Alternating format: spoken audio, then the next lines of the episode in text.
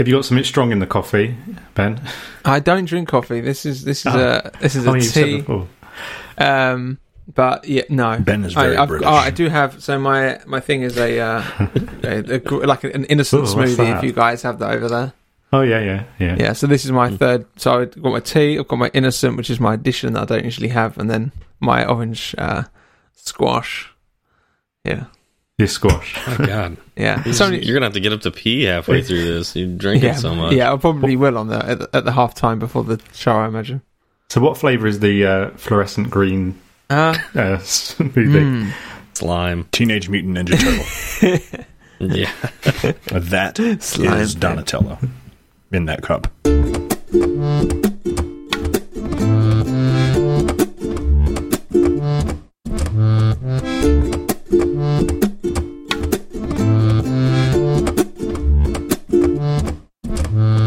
Hi, I'm Chris. I'm Ben. I'm Jordan. I'm Steve, and this is Fireside Swift. How's it going, Ben? How have you been?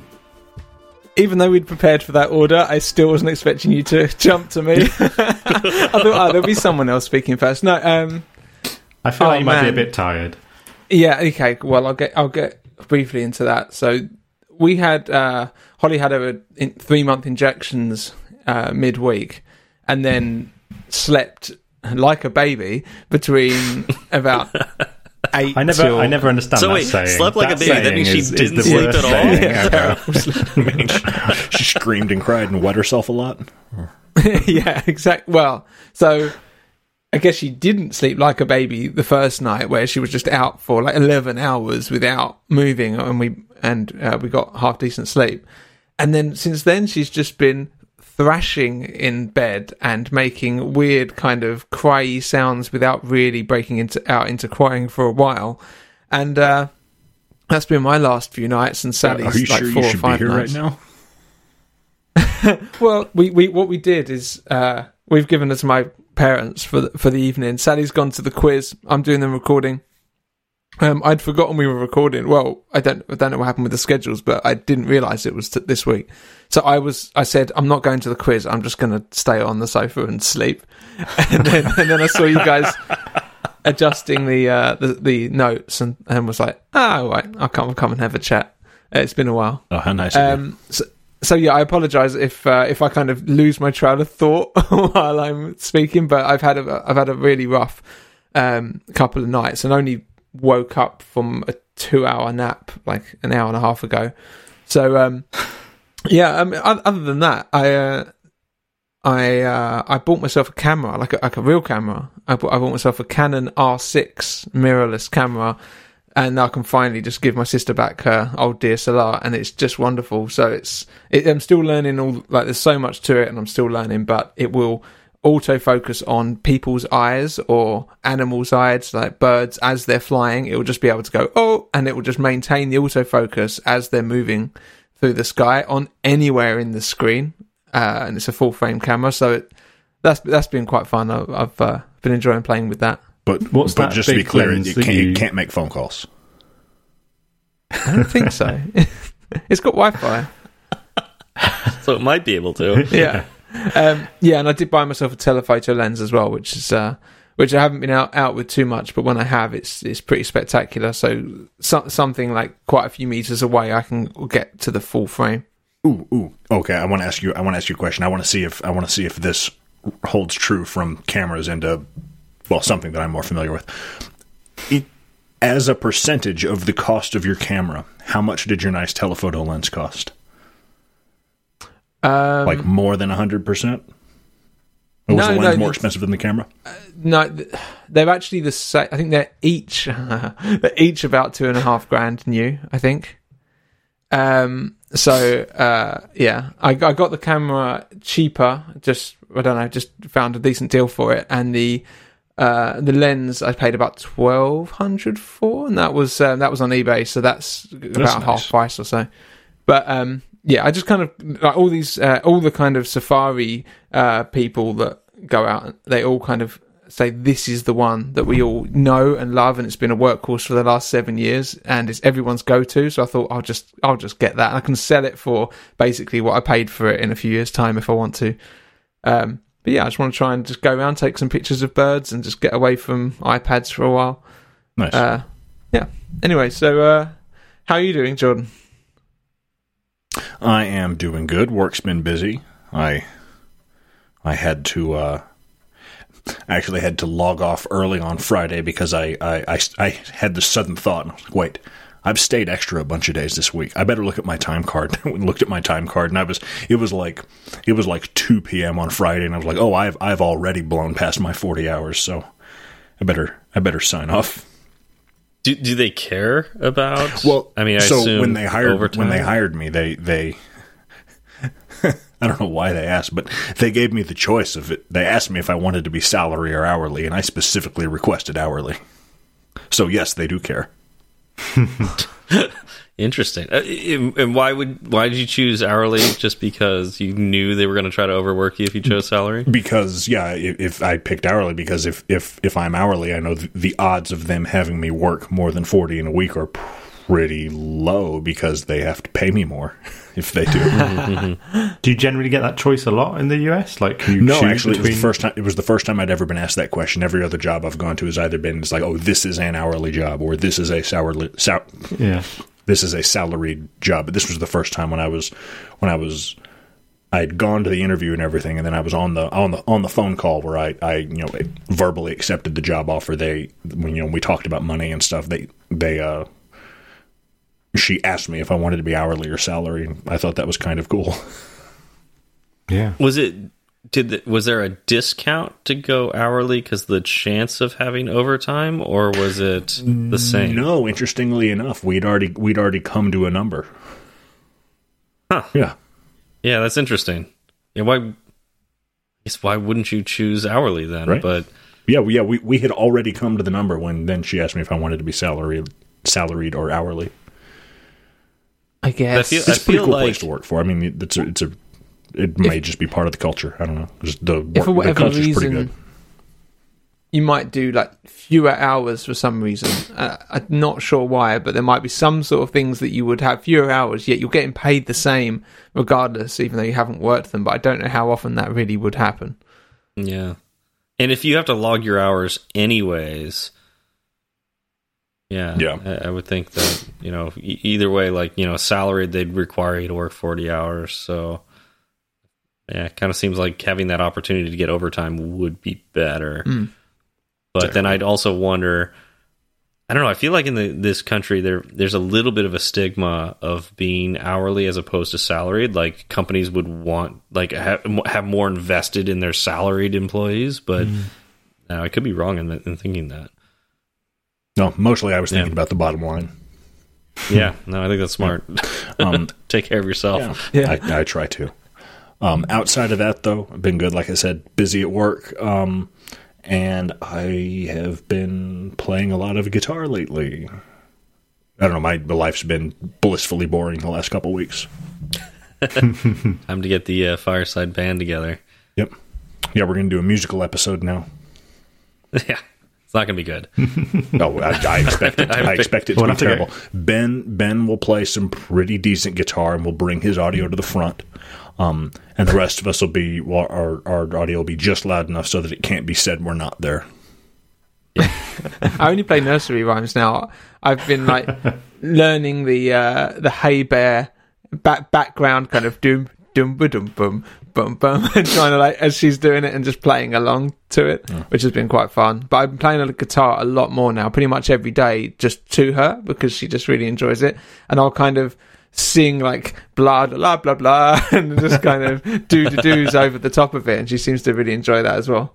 I've been trying to teach myself like how to like you know Travis picking. You know, tra- I don't know if you've heard of Travis picking, but I've been trying to teach myself how to do that reliably. And you know, it's easy to do slow, and then as you start to speed up, it gets difficult. But What is Travis? Travis just a, a style of finger picking. Everything I've been playing lately, I, I, I, I haven't used a guitar pick much lately. I've been finger picking everything just because even like playing on an acoustic, like using a guitar pick, it's just really loud.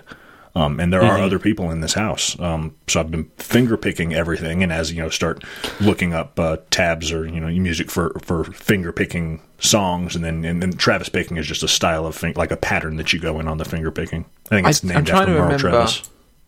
Is it kind of where you're alternating your thumb on Yeah, the, your on your, like the your two thumb is alternating like up, up and down between two bass notes, doon doon doon doon, Yeah. and then your uh, the you play two other two other strings like for your for your rhythm in kind of an alternating pattern behind them, like the the song uh, the song "Landslide" by Fleetwood Mac. was just that's about that's to like say- classic Travis picking. Yeah, Yeah, because I, I learned Travis picking via Landslide. Is Mm-hmm. like one of Sally's favourite songs, and I learned to play it many years ago. It's it's it's such an awesome acoustic guitar song. Um, Have, you, have you learned Have you learned that, or you that's actually the one I've been practicing on. Oh, awesome! I, I kind of have a. I'll have to send you like a, I have a uh, a version of it that I've that's been morphing over the years. That that yeah, because there, there's like a bridge bit that I found quite difficult to put together. Mhm. Um, but yeah, I'll have to show you. Yeah, but uh, Yeah. cool. Yeah, we'll get together on it. And everyone, stay tuned for the musical episode in the future. Anyway, enough about me. How are you, Steve? I'm good. Uh, it's my let's see. Last episode, I was talking about being stressed out with my my new position. So things have um, I won't say calmed down because we're trying to put a little bit of pressure on ourselves to get a particular feature out um, very soon. So in in that sense, like the the meetings have calmed down, but the workload has stayed high pressure.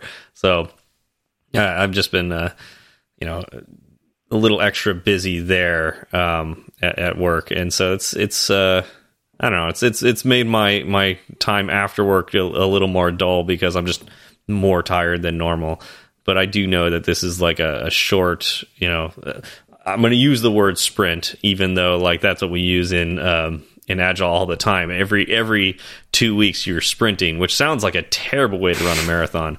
um, but uh, you know to always be sprinting. So in in reality, we are finally sprinting, and we normally keep a, a much better pace. Um, so I know that this is this too shall pass. You know we'll.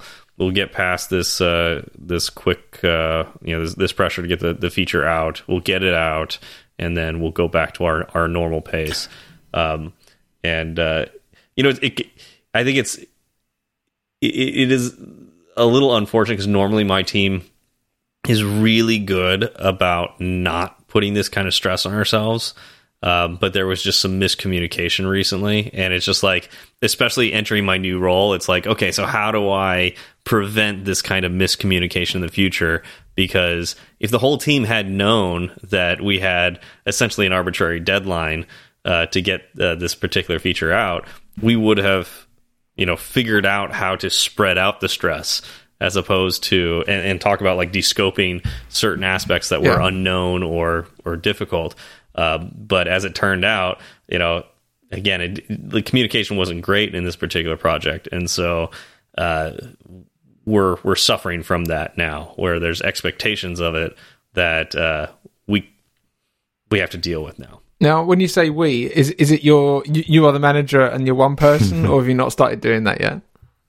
So in this case, I'm the engineer on. So yeah, I'm not. I'm not a manager for this particular project. Uh, and so, but even then, I, I I'm transitioning into the management role. So I like I have extra meetings on top of being an engineer in this uh, this push. Yeah. So So when do you officially become Mr. Manager? That's a good question. I think officially my title will change at the end of this month, um, be, just because it's like paperwork and things like that. Uh, but since I accepted the role, uh, what a couple few weeks ago, um, you know, that I, I I don't know when you could say it's official. When it's officially I accepted, or when it's officially that it changes in you know uh, the program that we use called Workday. So yeah, I don't know. That was an Arrested Development reference. I don't know if uh, Mr. Manager. Oh. It's so long since I've seen Arrested Development. No, I It was a weird to- choice of wording. I thought I'd just better explain that. I, I have an Yeah, unrelated so- question for you. What is that photograph behind you? Because, but actually, before you tell us, it looks like it's some sort of Patrick Swayze Roadhouse thing. But I think you know he doesn't have a Roadhouse picture behind him. I Uh, do not have a Roadhouse picture behind me. and Fool. and, and is he kicking a but one of those boxing? Someone it's a Uh-huh. black and white photo Uh-huh. of someone kicking like one of the uh, Speed fast- bag. speed bags. Yeah, speed bag. Uh, does anyone else know what it is? There's no way you possibly could. So like I'm gonna you? cut off. I- yeah, I'm gonna cut off. closest. This is not a. It's not a famous picture at all. Um, it is. It's a local photographer in Venice. Um, he did. Uh, so we had a, a, party at Event Farm, and he was invited to uh, essentially use the party as a, a way of you know using using it as like a gallery for his art. Um, we allowed him to put a bunch of photos up in inside our office building, and he was selling them. And um, this one behind me, uh, he had on like he had like a collage of like a whole bunch of photos that he had taken of uh, residents in Venice, and they're all black and white. And uh, this one I, I liked a lot. So, and there was actually several that I liked a lot. In fact, if I turn my camera, uh, the boom is in the way. Oh, the see. one over there is actually yeah. my favorite picture. Um, and I'll, I'll show you. Maybe I'll take a, some better pictures of, of it and put it on Twitter or something like that. Uh, you know, reproductions of them. But um, I fell in love with the one that's on the other side of the wall. And I was like, "Hey, Andre, can I?" I emailed him. I was like, "Hey, can I get like bigger prints of these?" And so uh, he made these huge prints for me, framed them, and I've got a whole bunch of these other smaller prints with frames around my house. And uh, so it's like there's no possible way you can know because it's like it's a local artist who took pictures of you know local people in Venice, and it's like it, it's like this is what Venice is like. These are the people of Venice. Yeah. And the guy behind me was just working out in uh, Muscle Beach area, and uh, he's just karate kicking a, a speed bag, and it was just it's just a cool picture. yeah, it's, a cool it's really shot. cool. I love it. So- yeah, nice. Yeah, Th- that one in particular, like, just motivates me to to work out. And then the one over on the wall over here, I like in my office. It's a just a guy playing the guitar um, with his guitar case open, and you know, it just it seemed to me, it's like this is this guy's doing what he loves. You know, it, he's probably not making a ton of money with it, and but he's just sitting there playing guitar. He's got a skateboard. Um, yeah, he, he doesn't look like he's he's like you, you, you I don't know. It just it just looks like he's doing what he loves, and people are giving you know just giving him money for it. You know, throwing money in his guitar case. So I don't know. Great, It just it. inspires me. Very nice. Yeah. So, anyways, Chris, what have you been up to? Um, it's been quite a, an eventful. I mean, this is the first time I think we've, I've recorded a week from the last time I, I, I recorded, so I've not really got much to report on, to be honest.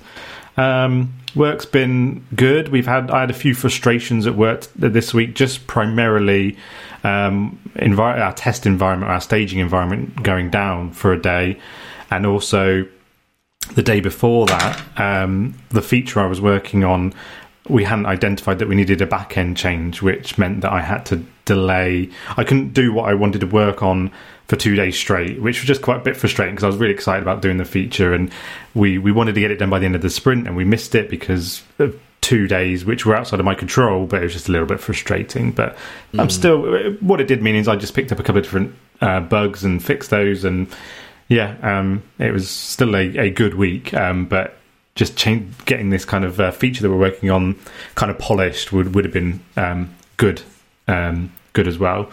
Um, but yeah, that's that's work. Really, I've got not much else to say about work. It's just fantastic. Still, absolutely loving it. And outside of work, shaved my head, shaved my beard off. not much else to say, really. All right, we should probably keep going because man, we spent 22 minutes on just intro. Uh, so I, I remember somebody not too long ago had feedback for us that's like, "Is this even a Swift podcast?" That was the last show. all we do is just BS with each other. So uh, good thing we don't have we don't have a lot of follow up here, and um, you know I, I think this is this is wonderful follow up. It's from Joe Cab. And he said, even though I read the show notes, I still had no idea where Steven was going with that segue. With all that monster talk, my guess was that Brevin was writing a Pokemon game. Um, you know, after all this time, Joe, you should know that my job with the, the the segue is to make it so you have no idea what the heck the topic is going to be about, and then eventually bring us there. So What I liked is um, Ben's message to us in the in the message chat we've got going. Because obviously Ben wasn't able to record last week, and I can't remember what you said, Ben, but it was just like I think that was the strangest segue ever, or something as well. Very similar to what Joe said. Oh, it's, it was yeah, it was it was really weird. But uh, yeah, good good job. It was great. I really really enjoyed that episode. Uh, hearing from Brevin was great, and I would I would Yeah, love Brevin to did have been great on job. to speak to him about the strongman stuff as well. That was fascinating. Yeah, it was and it was unfortunate and funny um, how we had delayed a week because Chris couldn't be on, and then Like, like I said last after, week, like I said we last week, I take that as a compliment. it was just oh, it's just so funny. Yeah, that still still gets me. Anyways, uh, so Jordan, So, Steve, So today, you and I, we we were talking earlier about um, our favorite hunter, and uh, you know, Elmer Fudd is you know this award-winning hunter who, um, you know, he, he's just somebody that you can. I can't do this. George's laughing already. he's this award-winning hunter that um, you know obviously has gotten all these accolades. Jordan, can you can you tell everybody else what you were saying earlier about how how much you admire and just look up to to Elmer? well, uh, of course, uh, ignoring the fact that that Elmer Fudd's just physique is is the absolute epitome of what a man could hope to be. Oh, yeah. obviously. Obviously, Um, ignoring ignoring that, I, I really admire the way that that he hunts everything everything with a double barrel shotgun. Doesn't matter what, doesn't matter where. it's just amazing. And and you know of when marksmanship. oh you, you have to it, that means he's got to be so much closer to his target than you know somebody who's i just i, I just have so much respect for that you know? It's like you, you you can't take down an elephant unless you are literally right up next to that elephant with with his kind of gun. Right. yeah.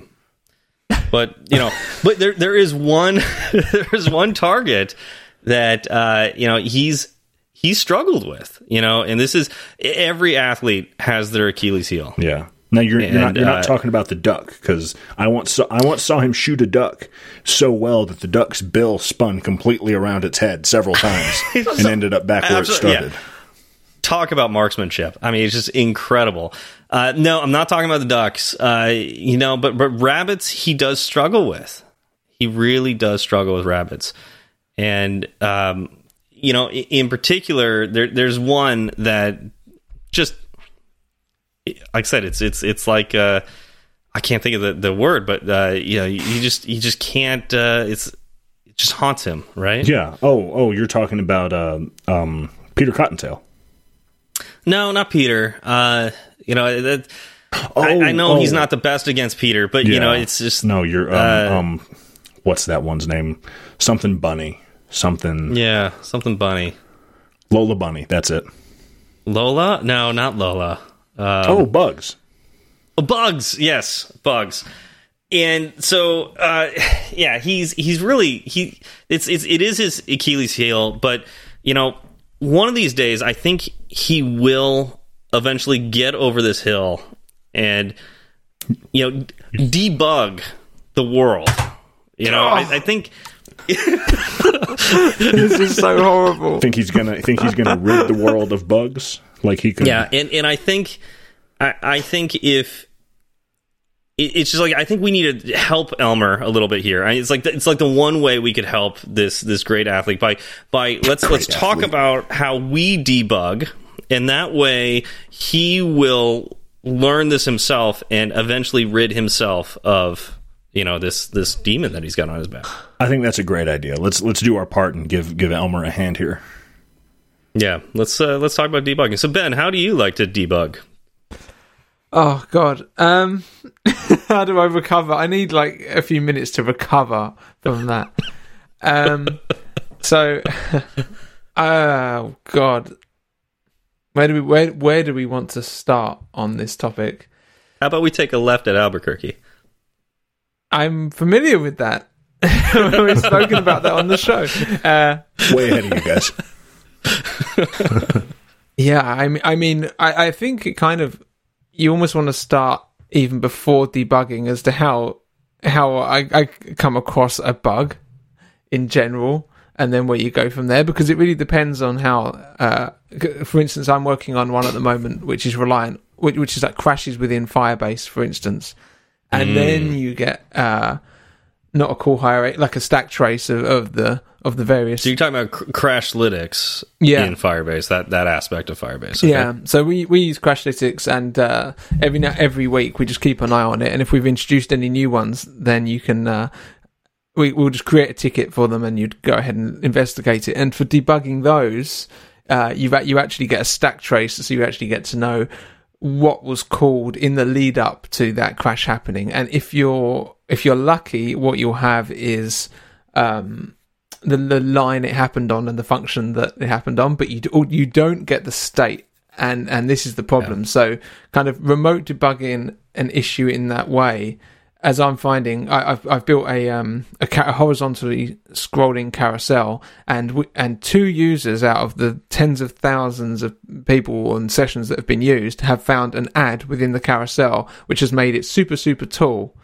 And this was about three weeks ago, and we haven't figured out how an ad got in there because when we go and add all the cards to it, we remove all of the ads. If it's an advert, you don't get to go in.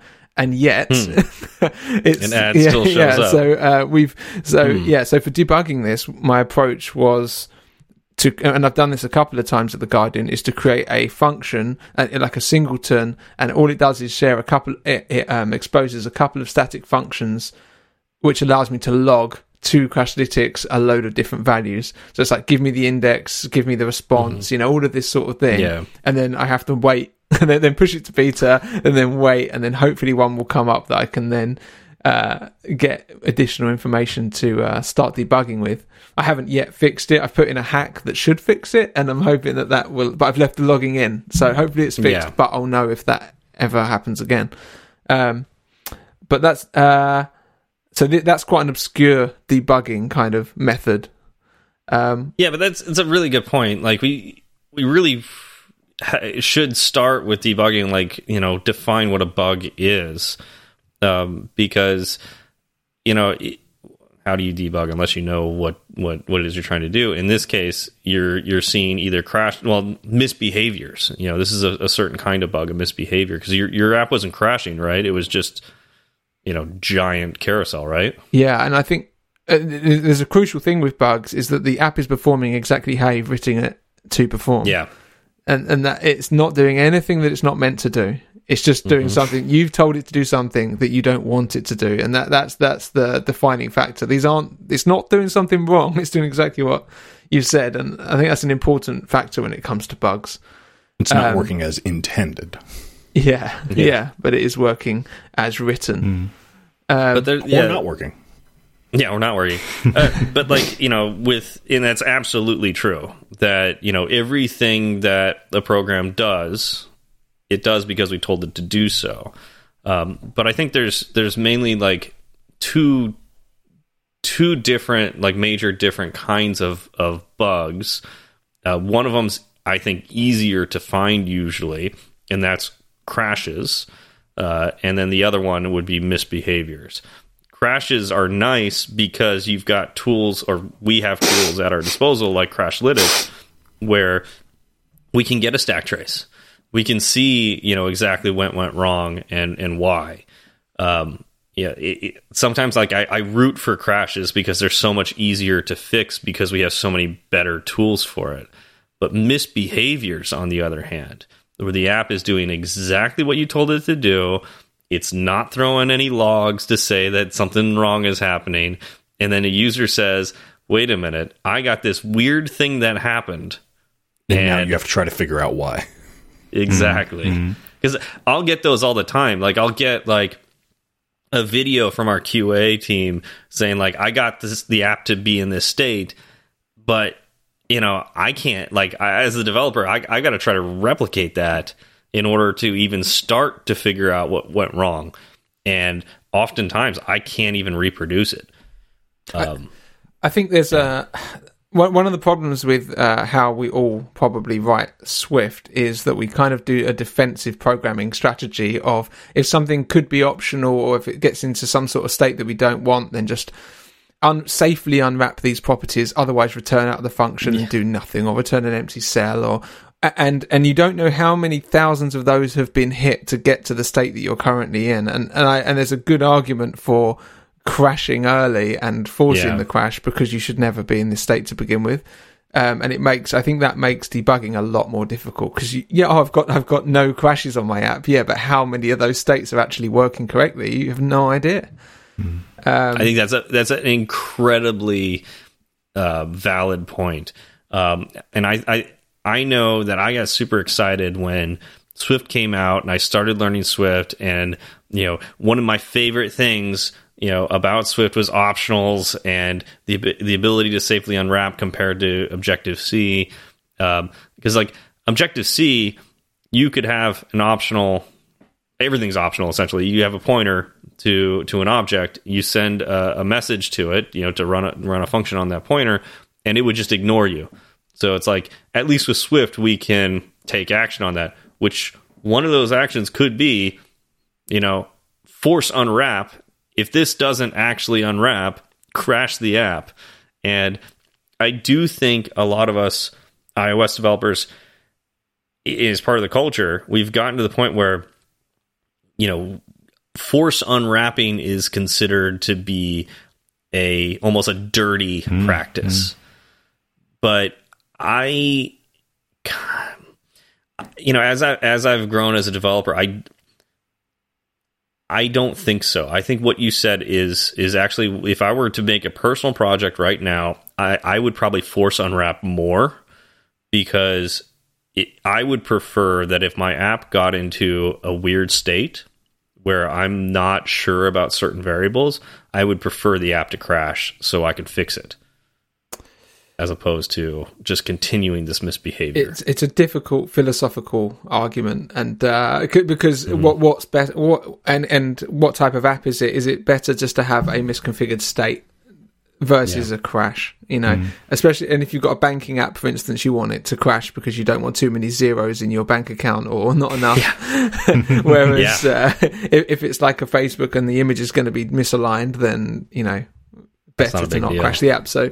Uh, well, I guess that's slightly off topic when it comes to debugging. So um, I think what I maybe Hef, what do you do when you find a state that you're not expecting? Something's happened. Like you've fixed a couple of bugs this sprint. So what, anything you can tell us there? Um, I think it again. It, it does all. Depend, I suppose this is the same as what we've just said, but also programming in general. But it, it does depend. Um, I think. I think it, breakpoints. I think are, are the the kind of my go-to, and I wouldn't say that that has been historically my go-to. I think I've learned a lot in this role, um, a lot more around using breakpoints um, to help me debug. Um, whereas I think when I first started out, I would be using print statements a, a lot, lot more. Um, and I guess it's just worth talking about what those things are, um, because you know, like I said, even in in the last kind of four months or so, I've learned a lot about using breakpoints. Um, I knew what they were prior to that, but I, I just never really explored them and used them as much, and also had the opportunity to learn from other other developers around me. So, so yeah, I think it's probably worth we just quickly touch on on the differences between using a print statement and also breakpoints. And I think it's funny actually because print statements is again is is one of those things that. Um, is almost sometimes I wouldn't say frowned upon, but you kind of I've noticed noticed um, it kind of be said that oh you know you've used a print statement that's that's kind of um, you know a lazy way of trying to find a, bug or, or, or, not. And I think it's I, I I personally think they can be really useful. I still use them a lot. And like I said, I wouldn't say necessarily always my go-to, but I would definitely say I still use them. And I think sometimes I would go to breakpoints first, um, but then sometimes if I'm really struggling with finding out what's going on, I might chuck in a few print statements as well. So again, I'm using the terminology, but not really explaining, I suppose, what they are. So in terms of actually a print statement, I'll start with print statement because I would say they are the first thing as a, a newbie de- developer I learned, um, and I think the probably the simplest way to debug, but also again the the the one that you you're probably going to learn first when you are learning iOS, um, and probably other program programming languages as well. So, um, so in terms of what is a print statement, so what, what you would tend to do is that you would you would write the word print, um, open some um, brackets, and then type in some uh, a string. And what that will do is that will print. And when I say print, it just means it types it to the the console. Um, uh, whatever message you've written. And what that means is that when the program hits that point, when it's being executed, it will print that to the, the console. And the console again is is the in Xcode. There's a there's a section at the bottom of Xcode which is the console, which just prints out um, what is happening with your program as it's as it's executing. So I think it's just a really useful place to to look if you want to just see, for example, is this method that I've written being called? Um, you could you could chuck in a breakpoint, but you could just put a print statement in, and if that print statement is printed to the console, you would see that yeah, that that that method is being called. Um, that's quite a basic way of, of using print statements, um, but you can then start to add other things on top of that, which um, make them a bit more useful. With the caveat Yeah. of deinitializers, um, if, if you add a print statement to a dish, d, d in it, uh, you won't get anything when it's deinitialized. I don't think. Um, which, Really? which, which I think I may have found Okay. out the hard way. There's something in my head that's telling me that it's like, why isn't this getting called? And it's because if there's not, yeah, there's some, there's something strange about it. Or is it that you can't? There's something weird about them. Maybe it's that you can't breakpoint in them. But just be aware. that I think if there's no code, you're going to get weird behavior. Um, Yeah, I, I- I feel like I've I've gotten print statements to work in deinitializers. It's uh, in fact I empty ones though i mean sorry so if it doesn't do any other code i think if you just say is i think it's when you're just checking to see if that object has been deinit Mm. well yeah for whatever reason we weren't getting anything come back There- interesting. um It's been a while since I've done it, so that's yeah, that's that's it's a fascinating very to me. edge casey Um, thing though Hmm. I will say this, and we're, I know we're getting to breakpoints next, but I've had one of the reasons I will go to print statements is because I've had quite a few issues with breakpoints where the breakpoint should have hit, Yeah, I've but had that too. doesn't. Yeah. And I'll throw in a print statement. The print statement prints, but it won't stop on the breakpoint. So, anyways, uh, you know, Chris, yeah, you know, before we go too far in this discussion, would you mind uh, explaining breakpoints? Um, Yeah, oh, sure. well, one thing before you explain breakpoints is Oh, that there's okay. one other one other thing that I think which is closer aligned, uh, which is the dump function. Does anyone else use? Is it just so? Hmm, I never instead- use that. Instead of use print, use dump, and it's so good because um, if you print, if you dump a view, a view controller, for instance, it might just oh, well, that's a bad example, but an object, you might just get the name of the object and like X amount of bytes or memory address or something. But dump will give you the actual structure and values of all the properties in that object.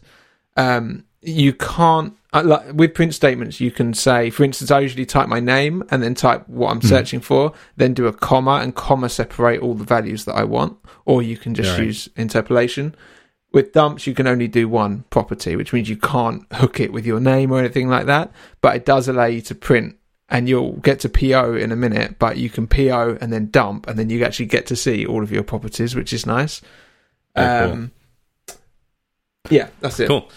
Sorry, yeah, carry on. th- let's let's go into breakpoints so we can talk about like I, I don't want to spend like I, I just want to make sure that we get breakpoints covered before because I there's like a lot of things I want to talk about with both of those things. I- so let's let's talk about breakpoints. Yeah, so breakpoints are again a really useful way of, debugging. And firstly, just to, to activate or, or start a breakpoint, you would just tap or click on the um, the line number uh, in the actual number um, of, of Xcode of where you want the breakpoint to hit. And again, usually if you're debugging you've got kind of a good a rough idea of where you think something might be going wrong, you you would generally put a breakpoint in within the method or somewhere that you think it might be going wrong. Usually, usually I sprinkle my if, if I'm not 100 percent sure, you kind of sprinkle a couple of breakpoints if you've got some guards. You you're not sure if it gets past a guard, for example. You you might want to put a couple of breakpoints in um, to just make sure you hit the right one. Um, and yeah, what a breakpoint does is the code will execute. It will hit the breakpoint. So as the program gets to that point in code where it's where you've put that breakpoint, the the the execution of that program will stop. So it will pause. Um, you'll then, if you're running in a simulator, you'll then get taken back to to Xcode, and Xcode will highlight where it is your program has now paused or stopped. Um, and what that then does is that can then help you identify what it is that might be going wrong and ways to to to be able to do that. And and again, this is something I learned. I, I you know I've been programming for two or three years or so, kind of learning it as a hobby. And this is something I learned in the last four months of starting my new job. Is that if you type the the letters P O in the console underneath, and then space bar, and then and then type a uh, it could be a property that you're looking for, or something that you're specifically interested in understanding. You know, is there a value for this property? Is there not a value for this property? You just do PO and then some property, it will tell you the the current state of that property, and that's been that has been so useful understanding what might be or might not be going wrong with um, with um, with the program execution. So yeah, that's um, that's been really useful for me, and I think um, there's been some other yeah. Go on, Ben. The the PO allows any any condition you can add there as well. So you can do function calls and you can do Yeah. calculations. So you can add two properties together and see if you're doing the right thing. Um, yeah, so you, it's super super powerful. I, and I, I believe PO stands for print out. Yeah, I think I so. could be wrong about that's that, What, that's what I assumed as well. Yeah. I think the word print order. might work as well. I think there is there's another command that works alongside that as well, but everyone just Yeah. POs. Yeah, and I think one thing that's been that's quite useful as well with breakpoints is you then once the breakpoint has been hit, you uh, you then have a an option of what you then want to to do to continue the program execution. You can just hit play and continue execution, and if you've got no other breakpoints, nothing will then uh, pause the execution. If it's kind of a, a, a functional method that gets called more than once, you might return to the, back to the top of that that method again and hit the same break, breakpoint that you've hit. Um, so that's quite useful. Um, and I think stepping over code is is also something that I found very useful. So you might hit a breakpoint and then you not maybe you just want to see what happens on the next step of the program execution. There's a there's an arrow there's a, a, a button in the console and uh, that you can tap. I think it looks like an arrow that goes up and then down. Um, which allows you to step over the code. Which what I mean by that is you kind of just nudge the execution on uh, of the program a little bit to see what the next part of the execution of that particular process is that you're doing. Um, so that's that's really useful as well. And one thing I just want to quickly mention, actually, I, I learned this yesterday that I'd not I didn't know about breakpoints um, when I was doing the research for the show. When the breakpoint is hit, um, in the Xcode uh, window, you'll get a green line that appears to show you where the breakpoint has been hit. You can actually drag that green line up or down, and it will continue execution um, to wherever you've dropped the line. So, say for example, you get to a What? method. Yeah, yeah, this is something I, I did not know I about did this. not know really? um, yeah, I thank Paul Hudson for that. It was in one of his hacking with Swift uh, tutorials. Oh, I put the links on the show notes, but um, That's nuts. yeah, you can say you were midway through a method and you wanted to go back to the start of that particular method, drag the green line up to the top of the No method. way! It won't undo the It'll- lines of code. It will that undo co- everything you had just done. I don't think it undoes. I think it repeats. Um, it does Xcode. Xcode Well, that's weird. I, I, I, I went from being impressed to frightened. Yeah, yeah, Yeah. yeah. and it's funny you mention Yeah. because Xcode will warn you. It will say this will could likely cause some unexpected behaviour, but you can bypass that and and do it again. But I just thought that's I'm gonna I haven't tried it myself How yet. do you but do it? How do you? Where where do you grab? There's the three lines within the green line itself. You can just drag that up and down. Three lines. Oh, hmm. oh, I And so, yeah, so I think you I know can drag it down to somewhere else, and then it'll keep running, and then break when it gets to wherever you dragged it. I'm saying you drag it down. I- I, I don't think it was specifically mentioned that you could drag it down. Definitely, you could drag it up. I'm I'm not giving it a go myself, but I imagine you could. I don't drag know. it down makes sense because it would just call. It would just move effectively move your or, break. or would it skip code? Could you have it skip? I, I, Why would That's you not do just that? yeah. I mean, why would you go backwards? It, it just repeats. Because you love side effects and you want to see what kinds of new ones you get. yeah. um, you can Oh, also, man. um, as well as uh, have mentioned stepping over, which is like stepping through your code, going one line at a time. But it's worth noting you can also uh, step in Step and in. out. Yeah, so you can go Yeah. into a function, and if you're like, well, I'd rather be in the caller, you can then just go back out, and it will take you to the next line where after where the function was called. Because often you don't care about the implementation of a lot of the functions. Um, or you can forget about that, but add another breakpoint, hit play, and uh, That's ten and do it that way. Yeah, And what's interesting about this is like we could probably spend an entire episode on breakpoints. Um, so I do want to break out of this for a second, and now that we've talked about breakpoints, Good um, segue. yeah, thank you. Terrible segue. first time Not for enough ever been. no Elmer Fudd in that one. Um, but anyways, uh, you know, kind of going with like the the strategy I usually employ, and what I was talking about before is like Chris. I will usually try breakpoints first. You know, um, when something's going wrong, and I think I know where you know it might be going wrong, or code that I'm I expect you know to run, and maybe it's not. It doesn't seem like it's getting run. I'll throw a breakpoint in there to see if it stops. Um, but I mentioned this before, is that sometimes breakpoints are not as reliable. Now, it, I don't know if it's the breakpoint's fault or Xcode's fault or the compiler's fault. I don't know. Ben just dropped uh, a link into Slack about deinit deinit never getting called unless you put a print statement or something like that. So, you know, Yeah. it's, it's kind of the opposite of what you said earlier, right, Ben? I said it was prints Um, that called, that didn't get printed, but actually it's breakpoints don't get hit. Which yeah, I spent a long time just being like, well, I'm deinit's never getting called, and then I realised it was. It just if it's got nothing to run, it doesn't run anything. Must be some sort of Swift compiler or like uh, optimization or something.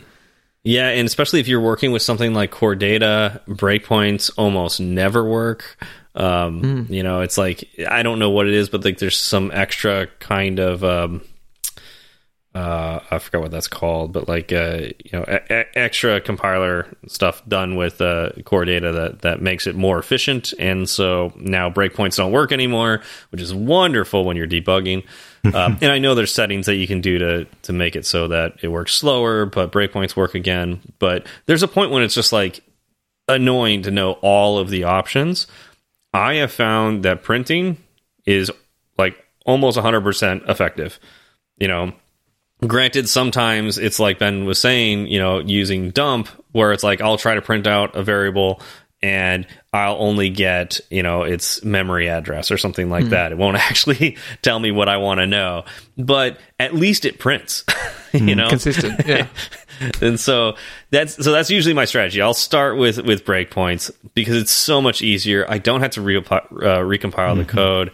Um, Tinder is a big app, so it takes a long time to recompile. So it's it definitely behooves me to try to solve the problem with breakpoints 1st If I can't solve it with breakpoints and it's like a really difficult problem, then I will revert back to my my old habits, which is let me throw a bunch of print statements in to see if I can get uh, figure out what's going on.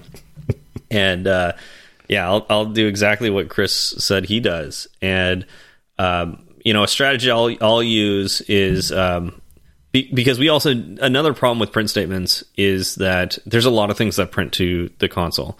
Um, maybe you've got a logger in your app. Maybe you're printing out network uh, calls and, and whatnot. I, I know, you know, in our app, we, we do have a lot going on in the console, so it can be very difficult to find your print statements. Uh, Ben's strategy mentioned is putting his name with a colon. You know, uh, that that works. Um, I like to throw an emoji. You know, like a like a Nice. frowny face emoji or something like that, and uh, it makes them really pop in the Yeah. The console. And then I'll filter on that emoji too. I think just Nice. I know you've just said uh, filter as well, but that was something I didn't even I didn't know myself when I started this role as well. Is that there is a filter option? So by putting your name in, by, or by putting an emoji in, you can just filter the bottom bottom right of the console, type in whatever it is you've put in your print statement, and it will appear. So that's really useful. Yeah, and if you use something unique like an emoji, hmm. it'll be the only print statements that appear in the console, which is That's- nice. That's clever. I I wish I'm a little upset right now. I wish I'd thought of using an emoji in the past. I have I have before on like web server stuff, uh, like website stuff, not not iOS stuff. I have I have loaded in a, a, node module that lets you print statements to console like with different like text colors and background colors and stuff specifically for debugging with print statements so I could find them easier. Yeah. and I, I was actually kind of curious about this, Jordan. Like, you know, obviously a lot like breakpoints in the particular usage of breakpoints is very like as we talked about it here is very specific to iOS development and, and Mac development. Um, do you have uh, an IDE equivalent uh, to breakpoints, um, you know, with your development? Not that I've ever messed with.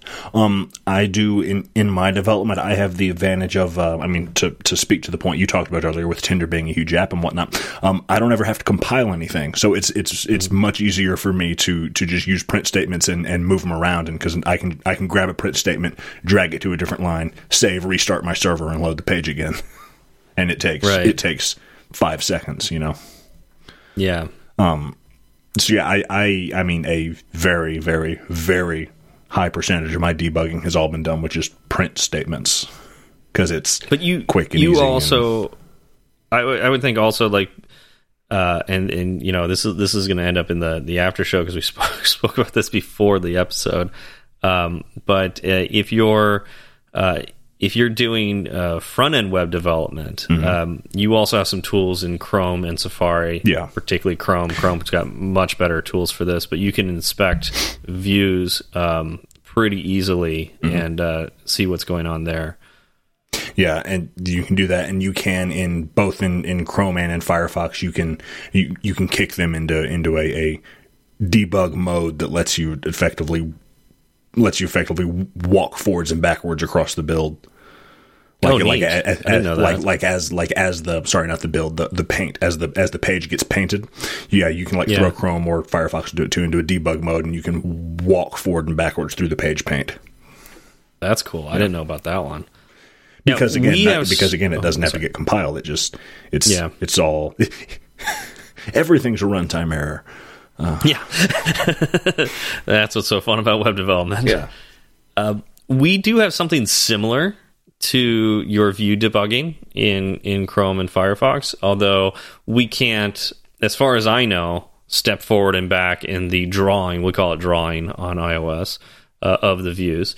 Um, but we do have the ability to uh, dump, uh, jump into what's called a, a view debugger in Xcode, and you could see all the the views as mm-hmm. they're layered. You can go into essentially a 3D view and rotate it around so you can see what's on top of what, and then click on different layers and say, you know, it kind of looks like an Adobe Photoshop, um, you know, your Illustrator um, piece of work because it is layers. You know, mm -hmm. it's mm-hmm. it's these views layered on top of each other, uh, and you can inspect them there.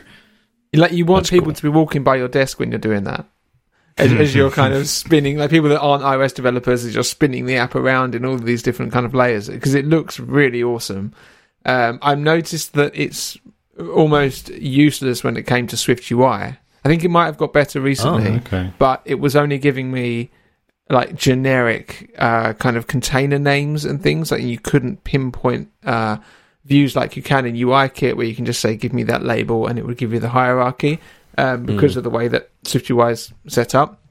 So that that was a massive disappointment because I rely on that all the time when it comes to UI debugging. I use it uh, constantly. Oh, it's, it's, settled. Well, I'm I'm gonna I'm gonna spin up an iOS app later and then break it just so I can do that.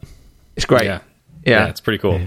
yeah. One thing I one thing I found really useful for with the view debugging is, you know, I started this job, come into a a, a large code base, and sometimes there's a bug on a particular view or particular screen, and I'm thinking, uh, I'm thinking, um, you know, where where is this? Where, where what file am I looking for where this bug might be happening?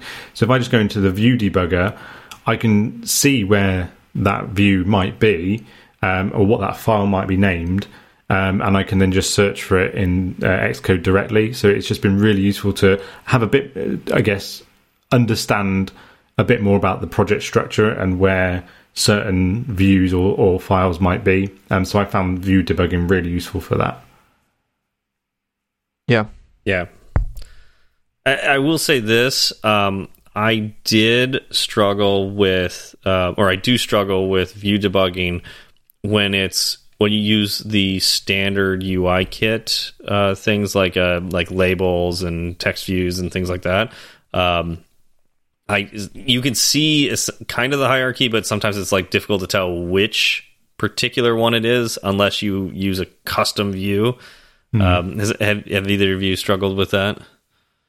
I know that you can. One thing that I've that's helped. I, yes, that I have struggled with that, but I think one thing that can help with that is there's also there's a slide. There's two sliders I think that you can slide up and down when you get the view debugger.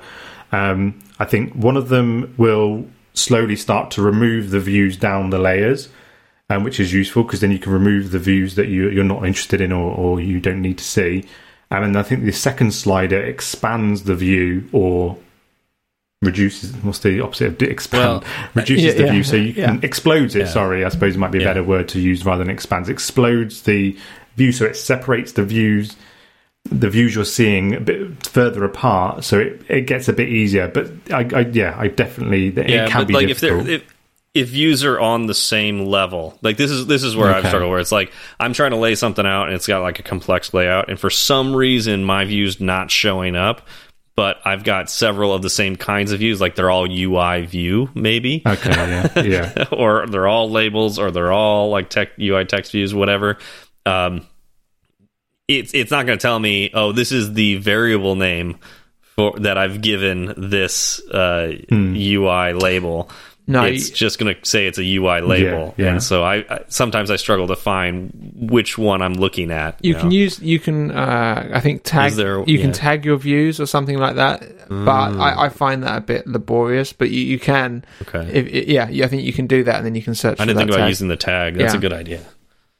But every okay. view for people listening, every like uh, the view uh, kind of superclass has a dot tag and that allows you to apply just a unique identifier to a particular view, which won't be user facing, and you can use that for debugging.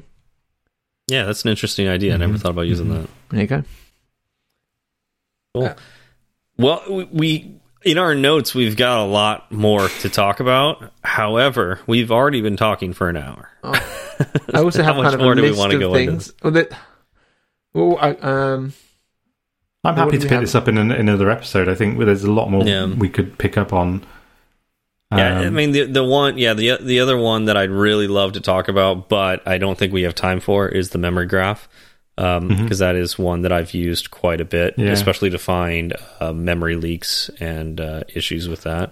I'd quite like so, to talk about the, the device conditions and environment overrides. I think that's useful to to understand about mm -hmm. as well. So yeah, so there'll be yeah. a second episode I think for this that will be quite useful.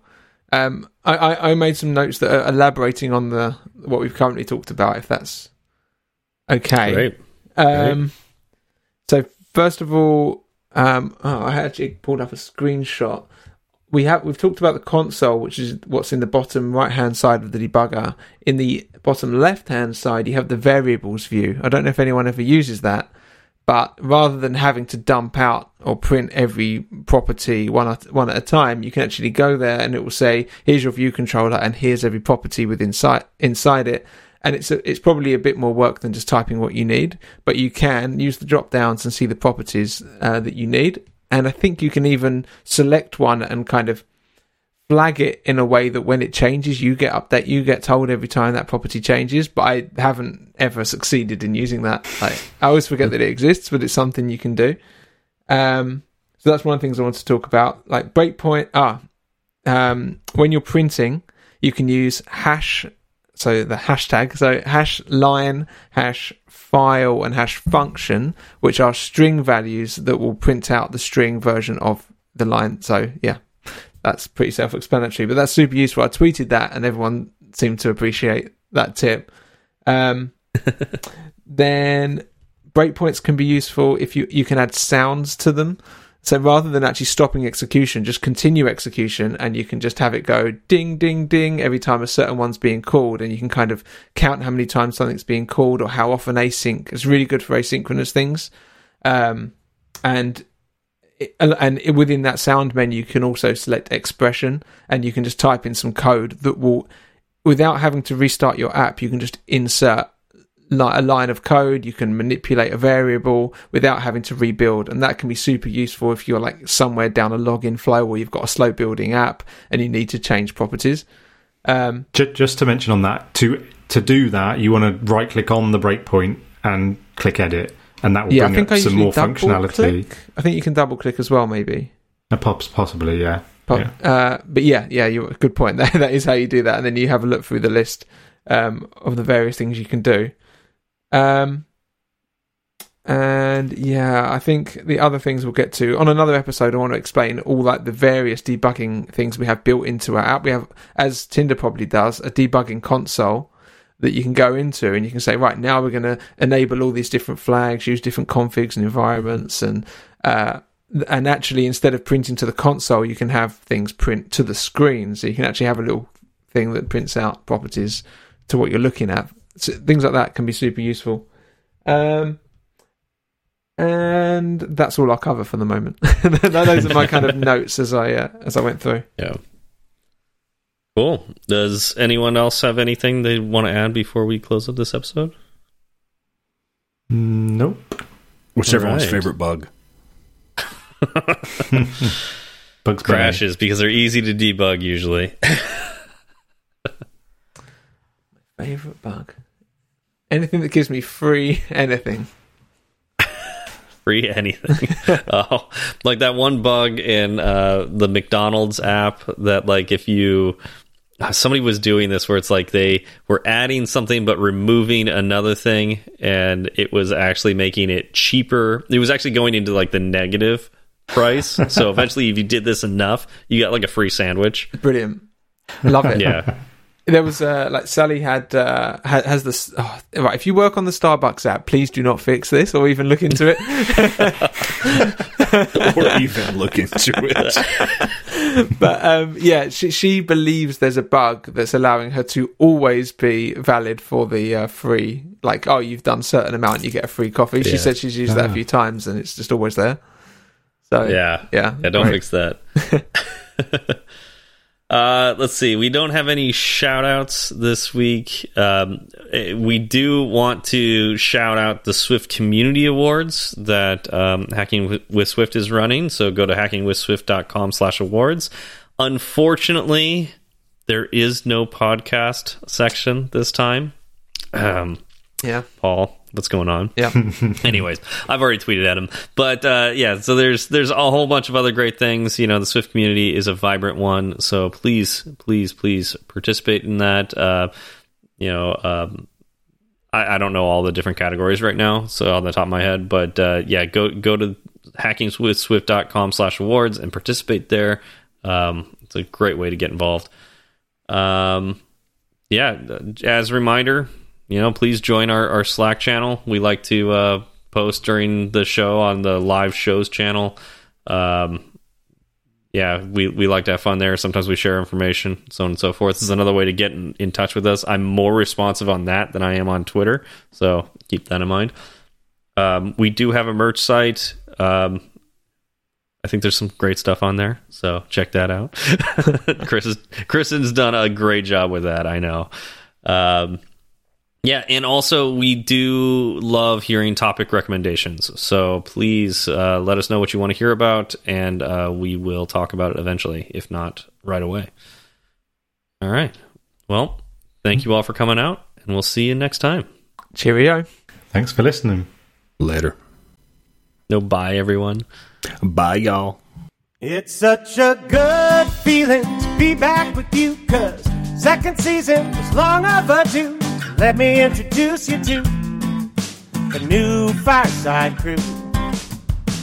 Chris and Ben are the English blokes who correct your grammar and tell witty jokes. Jordan is the baritone. Steve's the one you already know. Zach left to spend time with the shorties. So raise a glass or tip your 40s, giving props for the last three years and for helping out so many peers. Now let's get down to business. Let the four of us your forgiveness for excruciating segue puns. and mistakes that might confuse someone. Twitter's great if you've heard us slip, or if you want to share a pro tip. We're at fireside underscore swift. At fireside underscore swift. You can message the entire ensemble, or just one of us if you're more humble. We'll leave our handles in the show notes for you, and get back to you real soon. If your message is a little too long, there's firesideswift at gmail.com and firesideswift.com. Firesideswift.com. If you like the show, leave a review. If it's five stars, we'll mention you on the very next show we do in a fortnight or two.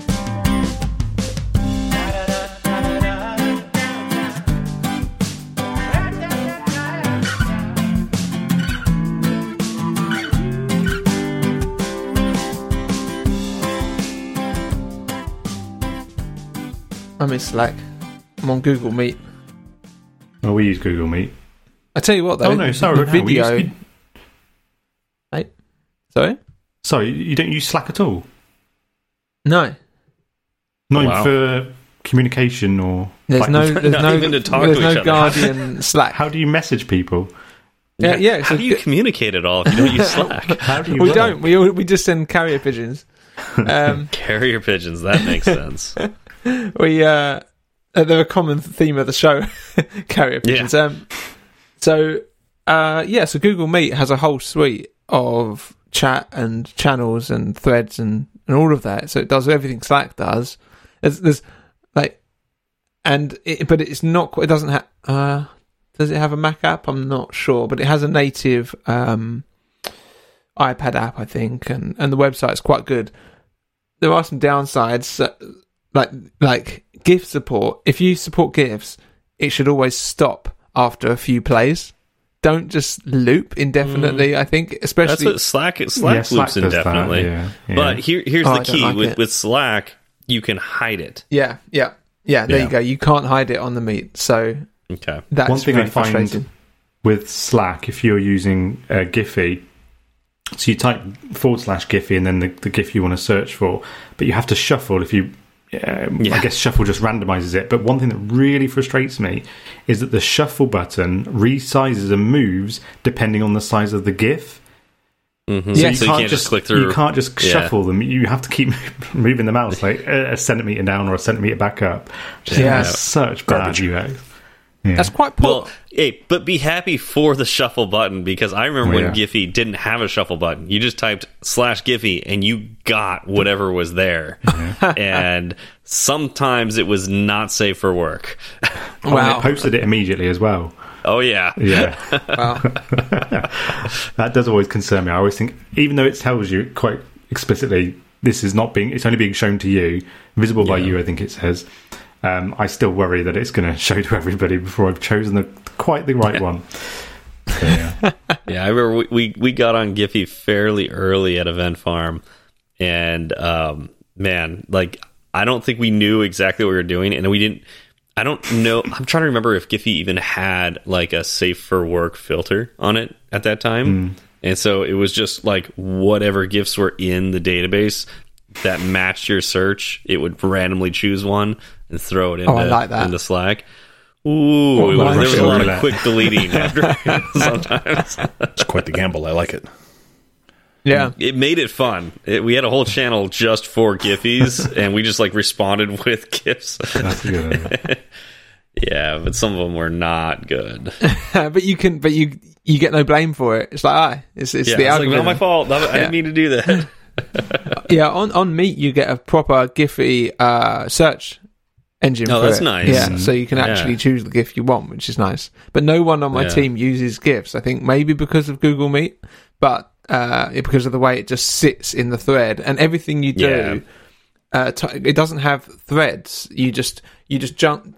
You uh, so someone puts a message on the channel and you reply Hmm. in line, and because you've replied, it goes to the bottom. So it's the most recent thing that's got a thing to it. So it's really difficult to keep up to date with everything that's happened. And if you do a mm-hmm. GIF, everyone's just seeing this GIF at the bottom. and there's Yeah. Um, if you tap anywhere other than on the reply, it will jump to the top of that thread.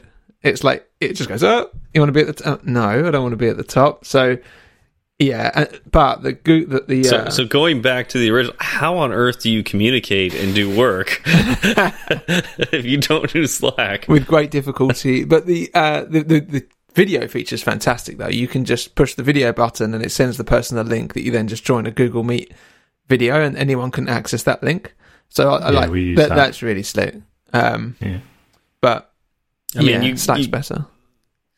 Slack does have the video feature. It's fine. Like I don't really notice. Like I, I don't like feel positive or negative about it. But we do use Zoom at work, so I have a Zoom integration where I just type slash Zoom, and it does it creates a link, you know, a private Zoom channel for both of you or whoever's in that channel, and you just click on join, and it takes you in. So I don't know. Yeah. Um, we use we use Microsoft Teams at at mine, and it, it does it does the impression I've got. Uh, the impression I have from Teams is that it does everything, but it doesn't really do anything well.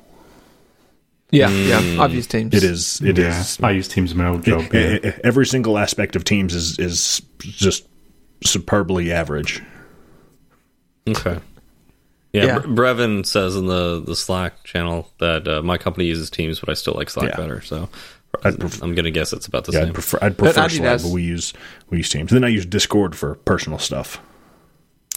Discord is like very similar to It is. Slack, but just different enough that I get confused when I use it. Okay, when I say personal stuff, mostly I mean my my group that meets that plays. Uh, we play Dungeons and Dragons, but all remotely from our own homes. We use Discord for everything. Nice. Yeah, my, Yeah, my I- mates I've- and I use it for uh, when we game. When we game, rather than using the Yeah. in-game chat, we sometimes jump on That too, Discord. yeah. It tends to be a lot more stable and If I'm Mm-hmm. on, better audio quality. on the rare occasion I'm I've like got a- playing a game on Steam, like on my laptop with with someone, we'll use Discord for chat because Discord's voice chat is works much better than like trying to use an integrated voice chat in Steam.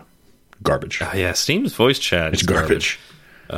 Yeah, I've got a weekly group that gets together and we're playing uh, the Steam version of Gloomhaven. Nice. Um, and so yeah, we use Discord to talk while we're we're doing that. Wait, the Steam version of Gloomhaven is that like you mean like the one on Tabletop Simulator, or is there something I don't know about? No, no, they they spent a lot of money to do like an official Virtual like- board game. yeah virtual game yeah and um it's it's pretty good the it's it's fairly graphically intensive so it's like pretty slow on my my macbook pro um because you know everybody knows that macs are not built to play games um so it's like not not great there but um it's it's pretty um, it's got like neat little animations for all the different you know things that you can do in the cards, the you know for like the spells and stuff and attacks. Um, the U the UX is pretty awful though. I'm Um, tempted to look into so it. yeah, it's it's it's worth it if you know how to play the game, but if you don't know how to play the game, it's it's kind of a struggle because like for instance, I'm playing a character that has the ability that when you play a particular card, um, you get to attack. If you do a ranged attack, you can attack a second ranged target for every ranged attack you do. I'm playing the crack card, and um, the the game won't like make it obvious that you can do that. So you do another range attack and you're like, okay, I'm attacking this thing. It's it's very easy for you to just hit, yeah, go, do that. It doesn't tell you, oh, like you can attack somebody else too. Um, it doesn't warn you. There's no there's no back button. There's no anything like that. It's like you do it and it's over. Like you know, you just completely wasted, and you only get to do this second attack like four or five times. So it's extremely valuable Yeah, so, to have so this. missing one is a big deal. It's a big deal because it's like it will tick it down. Like you don't get to do it one more time in the entire game, and yeah, so it's like little things like that, like you That know, sucks. targeting multiple hexes. It's not obvious which ones you know you're actually targeting. Uh, yeah, it's, so it, it can be the user experience is pretty bad on it. Yeah. Not that Chris or Ben care about this. yeah, I have no idea what you're talking about.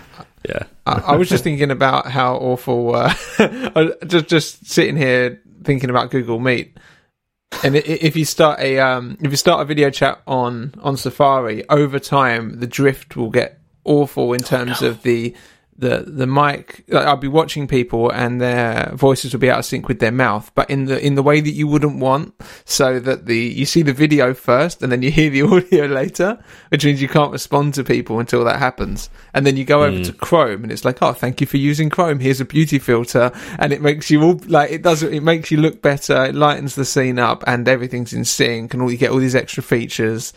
Um, yeah, so it's just yeah, it's just an up yours from from Google to to Apple, I think. But it's it's kind of interesting. Yeah, I'm glad you brought this up because it's something I've been wanting to talk to you guys about. Just just because I think it's an interesting topic. Um, I've heard web developers call Safari the new Internet Explorer, and the the, the longer I've used Safari, the more and the more I think about it, the more I have to agree with them, particularly on the iPhone. Where think about what Mi- Microsoft was trying to do with Internet Explorer. It was the on the default iPhone where everything is, is actually Safari? Exactly. So think about like what Microsoft was trying to do with Internet Explorer, right? It was the default web uh, web browser on Windows, and what they would have liked is to make it the only web browser on Windows. And here we have the iPhone, where literally the only browser on iPhone is Safari. You Unless may you download Chrome. no, that is just window dressing on Safari. You're using it is still WebKit underneath the the Chromey Is it? you know filters. Um, it's not actually Chrome. Interesting. And so yeah, and so web developers complain about this all the time, and rightly so. Safari and Apple in WebKit is actually holding back the web. And while I get annoyed with Chrome being a memory hog and doing a bunch of shady stuff, uh, it is pushing the web forward, and there is more you can do in Chrome than you can do in Safari because WebKit isn't keeping up with you know technologies, and they don't have to because they have a monopoly on iOS, and everybody has to develop for iOS. I It's interesting. Yeah, I don't know much about that side of things at all. Like I couldn't really define what WebKit is and, and, and in what way Google don't use that or use something else. I, yeah, it's all quite foreign to me. But I yeah, I have friend a couple of friends that are professional web developers and they are, are obviously Chrome first and uh, Yeah, Safari is a bit of an afterthought. But I also think because of that philosophy, it means uh, we- the, the web on Safari isn't as good because people don't develop for it as freely. but they have to because it, it's like it's like Internet Explorer where it's like okay, you don't want to develop for it. You want the it's like you know we want the latest iOS version, right? Like everybody wants to develop for iOS 15, but imagine you work for a company that supports all the way back to iOS 12. You want to do the iOS 15 stuff, and you might test only on iOS 15 now. Um, but the reality is, you're still being held back because it still needs to run on iOS 12. And you know, when a bug comes in, you're gonna have to fix it. This is exactly what happens to those web developers with Chrome.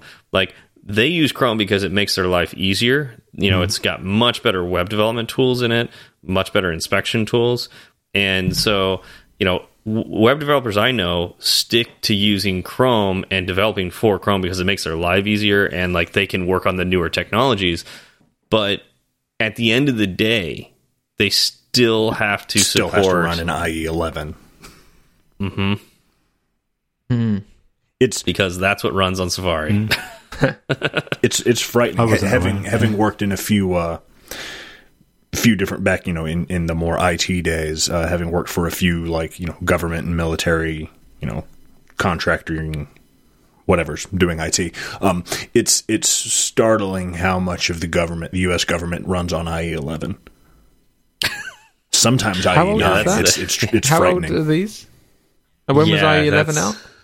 Oh god, IE 11 oh god I have to look that up. Every- old. everyone's jumped onto Google. yeah internet. Yeah, because I, I feel like it's uh, old, but I have literally no idea.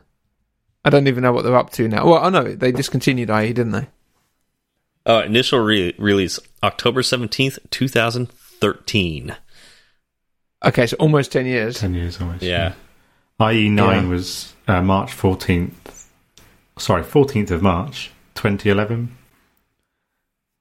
So Okay, that's okay. So Eleven I mean- yeah, Yeah, it's not it's not good. And, and you know, Yeah, I, you know, I agree with with Jordan. It's it's it's a, it's a little frightening, but and also it's kind of it's just interesting that like it's too expensive to keep up with the modern operating systems and you know uh, I guess it wouldn't be operating system, but like web browsers that you know large organizations like the government uh, will not spend the time and, and effort on it, and now that's not great. you know, to, that that it costs even more. This is why we call it tech debt. I, I, you know, I- it's IT uh, is everyone's favorite department to for, to make budget cuts. Try and save Yeah. money in IT. Well, it's not just IT too, right? It's it's uh, you got to have the developers that are able to migrate. Bless you. Thank you. Uh, migrate from that older browser, you know, to the newer stack. Yeah. And uh, you know that's that's getting harder and harder to do, and developers don't like doing that. You know, it's not a fun job. It's pretty, mon- you know, monotonous. Yeah, yeah. I've not even considered it to be honest, and I think yeah, like like Ben said, I assumed that when you downloaded Chrome for iOS, you were getting you were getting Chrome. Um, yeah, You're getting really something that looks like Chrome or looks like Firefox and has some of their fun integrated features. Like you can, you know, put Chrome on your iPhone and sign into your Google account and sync your bookmarks, and you can do the same thing on Firefox, sync your bookmarks from Firefox. And like I use Firefox on my iPhone, and you know I can send tabs back and forth to Firefox on my MacBook and on my Windows machine. Sync bookmarks and that's part of the reason I like it but it's it's it's it's on iOS it's Safari under the hood and every every now and then I'll be reminded of that and I'll see I'll look at like a like you know account security on something else and be like be like oh you had there was this sign in at 1:30 p.m. today from Safari on an iOS device and I said hold on I didn't and I look at the IP again I go oh no that that was me that's right Yeah. It, it's kind of interesting because it's like this is exactly why there was like that um, got huge antitrust lawsuit against Microsoft back in what early 2000 something, you know, the early aughts. Um, and they were threatening to split Microsoft up into multiple com- companies because they were it it wasn't even this bad. Like they were, you know, just setting uh, Internet Explorer as the default browser, and they didn't allow other defaults. And here we've got Apple basically tricking everybody because it looks like it's other browsers. certainly looks that way. Yeah. You know, and you can't change your default. you know, so no you you know, you- and, and then like, and then under the hood, it's not even. It's it's even worse. You know, it's like it's it's you literally can't have anything but Safari on an iPhone. No, that's that, that's and- that's part of what makes it worse. You you in settings on your iPhone, you can change your default browser. My default browser is set Mm. You to ca- that's right, they did add that Firefox for recently. iOS, but you know You're not really. it's not yeah. really. So yeah, and we're we're apparently okay with that, you know, because you know, the, the the lawmakers just like they don't understand what's happening under the hood. They they're not tech people, you know. And and here this is interesting too. It's like you know half of the the tech people in this podcast didn't even know. Eh, and it's like if we can't if we can't get to 100% here like starting this conversation how the heck is like congress or senators or you know parliament supposed to enact laws about Well, that was this inclusive because of you. They, they, there's no way that they would actually know this Yeah, hmm. yeah, it's it's surreal. I I had no idea, and I, I still kind of don't fully appreciate or understand the the benefits of of of what's going on on the other side. And and I, I'm mm-hmm. trying to think of like with, with an app when you it, something might stop supporting iOS 12, and all of a sudden okay, now you've got 14 and 15 and you've got Swift UI and everything like that. I understand that. But for websites, I don't understand that process because I never go onto a website and it says, hey, this, this, you can't use this website anymore because you're on an older version of X. And I think it's because I'm always on some sort oh, of Oh, you, new version you've never seen, you've never gone to a website that says you you have to open up Chrome to use this website. I don't think so, but I only ever go to Apple websites, so no, I don't know. I don't think I There have. was the first the first podcast software that Zach and I used to make this podcast. I'm trying to remember. I think it was I think it was called Cast. Um, required a Chrome browser. Like you had to use Chrome browser for it. Like it, it did all the recording and editing. Like you do everything on the website. Um, required Chrome. and WebKit doesn't support. They probably used things that WebKit doesn't support, and therefore Exactly. They had it's like it was too advanced for WebKit. So you go to it and it's like you can go to this website, but you can't do any of the things because you need like we need stuff that has gone past WebKit. Hmm. You know. I guess I do get that a lot with that Google Suite where it, where it says where, where you get all these additional features, and I just presumed it was just them going, well, it's Safari, you're not getting these features, but it might actually be a technical limitation where they just mm-hmm. can't do it, and it's more difficult to get the audio and video in sync and so on. Yeah, and, and I, I can easily see that happening. You know, if you're using, it sounds like this cast or whatever it was that Stephen and Zach were using was a relatively involved web app with lots of hardware integrations and whatnot. And, you know, something like that. It, it's it's you know to to do everything it did, it probably really had to be specifically built for that one browser. And you know, you, who knows how big the team was that worked on it or how much money they wanted to put into it. But you know, some someone probably said, yeah, it's it's not worth the time to make this work for other browsers like Safari or Firefox, or whatever. Even if it is possible, it's just not mm-hmm. worth the time. We'll just tell people they have to use mm-hmm. Chrome, and that's the way it is. And most people, will Yeah, be well, I that. used Hmm. I used to think that it was like a monetary decision, but you know, in in retrospect, I think it's more of a technical limitation. Hmm. Like there was probably those hardware limitations that they were running, like hardware and software limitations, where it's like they they were running into things where you know Chrome had access to s- certain features you know, that the modern web has that Safari hadn't gotten to yet. You know, essentially WebKit hadn't gotten to yet. I I can I can see that that argument being valid in, in maybe some really niche scenarios. I I feel like it would still mostly be a monetary decision because I I think I think most things that people would call and when I say people, keep in mind I'm talking about like I'm talking about the people that are telling the developers what to do, right? I, Right. I I see most things that people would refer to as technical limitations really being monetary limitations because they're problems that could be solved if you wanted to sink the the man hours into it and they just don't in lots of I guess, cases. yeah. I mean, I, I, I, guess you watched a video the the, same other day thing, of uh, Conway's Game of Life running inside Conway's Game of Life. I, I think I think most technical problems are are time and money problems, not actual technical problems. Right. I, I, I think it, it kind of goes with like iOS 12 through iOS 15. Like there are features that you can't have in, until you get to iOS 15. But like, okay, like let's take Swift UI for example. Right. Very cool. You know, uh, UI, um, you know, capabilities. You could do all those things in UIKit.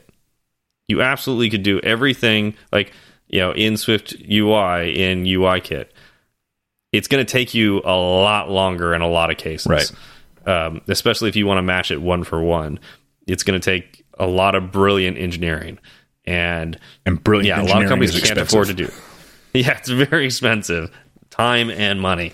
So, yeah, It it uh, it reminded me of one other thing, and it was um, how recently Windows XP was being used in the NHS, which we may have which we may have discussed before. But the, the, there was the whole WannaCry bug, and even two years after that, I think this is in 2019, there was 2,300 PCs still running Windows XP. I mean, I think I think most ATMs in in America are still running Windows XP. Someone said that to me the other day that they that their ATM had crashed. Was it you? I can't remember. So It wasn't it was me. like the last was me. week or two. Someone said, "Yeah, the ATM crashed," and you could see that it was running Windows XP. Which I don't think I, loved Windows XP. 'cause I don't was, think I have was an a XP nerd. machine anymore. My old like tower PC that I had in my bedroom in high school was a was an XP machine, but I think I don't think I have that anymore. I still have like a Windows Vista laptop. I mean, it hasn't been turned still on in years. Yeah, I was browsing the um, nostalgia uh, subreddit the other day, and somebody had posted the the boot up sound for Windows ninety five, Ooh. and it was How does quite it emotional. Sing us- I could try and play it, see if my um. Because the XP one is the uh, the the ding ding ding ding ding ding, isn't it? Is that? Man, I think I think that's the hear shutdown. it. So I wonder if I can Oh, play is this. it? Are we going to hear it? I, I don't. Yeah, you know, I, don't I, I guess I g- give credit where credit's due. Uh, Apple picked a startup sound and they stuck with it. They did, and man, talk about nostalgia and like just like hearing it and being like, "Oh, I know exactly what's happening right now." Have you seen Yeah. the guy showing who, like, the guy that invented it, talking about it, No, and he's just there on like uh o- on his MIDI player, and he just kind Oh, of hits like the that, F yeah. key, it's like, it's like this is the one that we went for. Boom. yeah, there's, it's on it's on part of some sort of Apple documentary, I think. that's cool.